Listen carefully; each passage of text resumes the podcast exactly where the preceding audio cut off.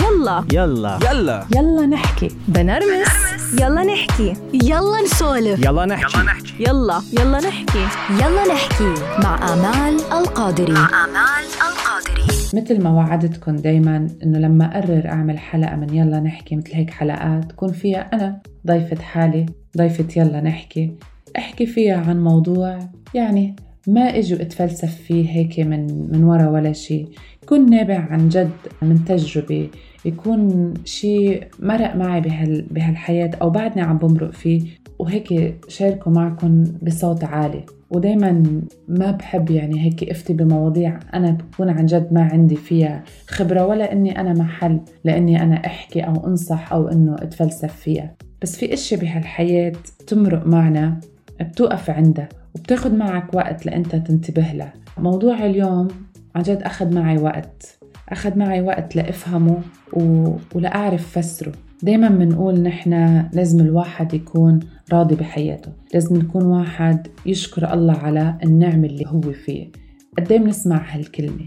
وقد عم نسمعها أكتر؟ وصرنا نقولها ونرددها خاصة بهالكم سنة من الكورونا للأزمات للمشاكل اللي سمعناها. كل هالأشياء لأنه السنتين اللي قطعوا يعني كانوا طبعا غير كل السنين اللي قبل. وبعدنا بنشوف وبنسمع قصص وبنقول الحمد لله نشكر الله الحمد لله نحن بألف نعمة.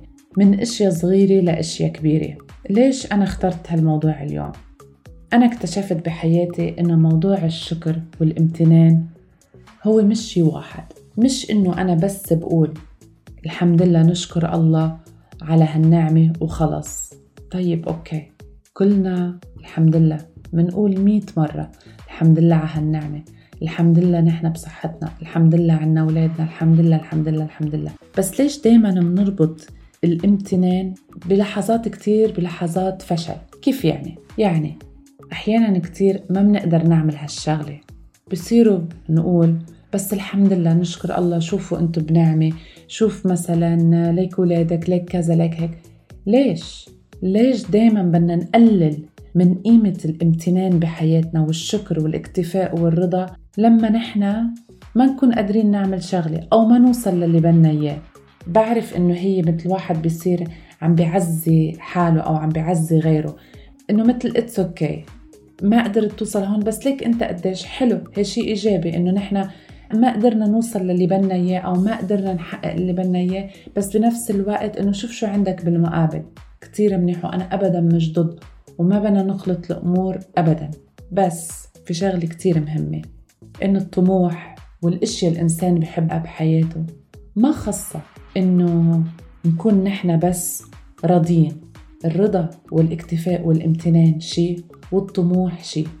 الرضا والاكتفاء والامتنان لازم يكونوا معك بأي ظرف بأي خطوة بحياتك.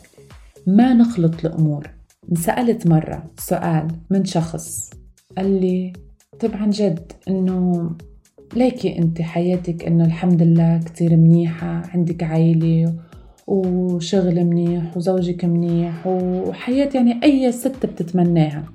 ليش ليش بتضلك تحاولي تعملي بعد إشياء وبعد إشياء وانه لشو؟ يعني لشو تعذبي حالك؟ وقتها أنا صفنت بهالسؤال وما رديت. حسست الشخص التاني إنه okay معك حق لأني ما رديت. هو انبسط بال... بإني أنا ما رديت لأنه حس إنه شفتي انت عم تتفزلكي وبس واحد بده يعمل بده يعمل بده يعمل. ما رديت لأنه هيك أشخاص ليه بدك ترد عليهم؟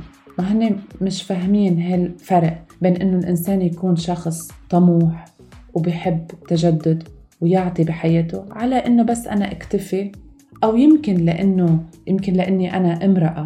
يعني لازم خلص نرضى بالحال إنه نحن عنا عائلة منيحة عنا أولاد منيح عنا زوج منيح وكل شيء منيح. طب ليش بدك تكوني بعد؟ ليش شو بدك بعد؟ هاي الكلمة كتير بتنقال شو بدك بعد؟ هاي هي النقطة الأساسية اللي, اللي عن جد بحب ركز عليها. مش معناتها إذا شخص طموح يعني هو عم بيهرب من شيء أو مش راضي بحياته أو في شيء مزعلة بحياته وهو عم فيش خلقه بشيء تاني. ليش دايما نحن بنطلع بالطموح وبالنجاح وبالتجدد وبالتغيير وبال... وبالتقدم بالحياة؟ لهيك ليش دايما بنكسر من قيمة هالطموح وهالامتنان وهالرضا بهي الطريقة وقت ما أنا صفنت بسؤال هالشخص أو بتعليقه أو يمكن انتقاده أو يمكن مدحه. بالنسبة إلي ما كان واضح وما بدي إياه يكون واضح ولا بدي أنا جاوب هذا الشخص. بس اليوم بعد ما يمكن قدرت حقق كتير أشياء شفت الفرق شفت الفرق بيني وبين هيدا الشخص. مش تكبر ولا إنه عم بمدح بنفس الوقت أو عم بقلل فيه لا ابدا. بس شفت قدي الإنسان بيكون آه، بأوقات كتير ما بيشوف الأشياء صح لما أي شخص بيقلل من قيمة إنه إنه أنت بدك تتغير بحياتك أو انه انت بدك تكبر بحياتك لا إنه يخلطها إنه أنت مش راضي هون بيستوقفك هذا الموقف وبتصير أنت بتفكر هل أنا عن جد مش راضي بحياتي؟ هل هو عن جد يمكن يكون من قلة الإيمان؟ يعني هذه كمان كثير بنسمعها إنه إنه هالشخص ما بيكتفي ما بيهدى طيب عن جد لازم يحمد الله على الحياة اللي هو فيه طب شو بده بعد؟ شو بده أحسن من هيك؟ طب ليش؟ ليش أنا بس بدي أفهم ليش؟ ليش نحن دايما بدنا نقلل من هاي الوضع ليش نحن بدنا بدنا دايما نشكك حتى بنصير بنشكك من من إيماننا ومن رضانا بحياتنا وبعائلتنا بهاي الأشياء التانية كتير كتير كمان هيدي بنسمعها. لما أشخاص كتير بيجوا بيقولوا لك إنه هالشخص أكيد مش مبسوط بحياته كرمال هيك بتلاقيه عم بيحاول يعمل أشياء أكثر بتلاقيه إنه عم بيهرب من شيء عم بيهرب من عائلته عم بيهرب من من من أشياء كثير بس حتى فيش خلقه بهالأشياء. أنا اليوم عن جد من بعد تفكير كثير بهالموضوع من بعد يمكن تجارب كثير مرقت معي. عن جد بكل بكل صراحة بقول إنه الامتنان شيء والطموح شيء بس على شرط إنه طموحك يكون صديقك ما يكون عدوك.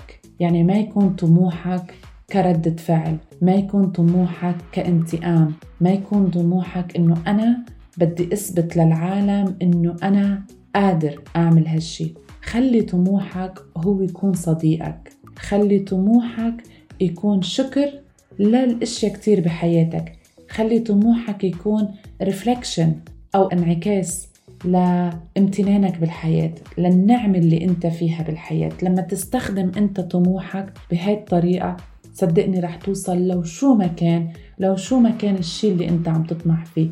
من أقل شغلة لأكبر شغلة من طموح إنه يكون عندك رفقة كتير طموح إنه يكون عندك أنت شغل واشياء كتير إنك عن جد أنت تحققها بهالدنيا. يكون عندك عيلة حلوة يكون عندك أولاد مميزين. أي شيء أي شو ما كان هو طموحك بهالحياة لما أنت تعكس هالطموح وتحضنه وترافقه ويخليه رفيقك ما يقلب عدوك حتوصل لأجمل إحساس بالدنيا كلها. في ناس كتير للأسف بيطمحوا بكتير أشياء بهالحياة بس بينسوا كتير إشياء بحياتهم. بينسوا عائلتهم بينسوا اولادهم بينسوا أصحابهم بينسوا كتير إشياء بيقللوا من كتير إشياء بحياتهم بس لمجرد إنه يوصلوا لإشياء كتير. هون الغلط. وهذا موضوع تاني وموضوع أكبر من هيك. بس اليوم ومن بعد تجربة. ويمكن بتمنى إنه هالشخص اللي سألني هالسؤال يكون عم بيسمع هالحلقة وبيعرف اليوم جوابي. إنه طموحي هو امتناني هو شكري للنعمة اللي أنا فيها. لأنه لما هالنعم كتير بحياتي. نعمة العيلة ونعمة الأولاد ونعمة الأهل ونعمة الأصدقاء ونعمة العلم. ما قدرت إني اليوم يمكن حقق جزء صغير من اللي أنا بحب حققه. وإن شاء الله أكون وصلت فكرتي بشكل بسيط وبشكل حلو وما أكون عقدت الأمور. ويا رب كلنا نرافق طموحنا ونكون شاكرين بحياتنا ونوصل اللي بدنا إياه. وما تنسوا دايما تشاركوني تعليقاتكم الإيجابية والسلبية اللي بحب أسمعها وأتعلم منها دايما. ودايما تسمعوا يلا نحكي على كل ال channels من أنغامي لسبوتيفاي لأنكر يوتيوب يلا نحكي يلا نحكي مع آمال القادري.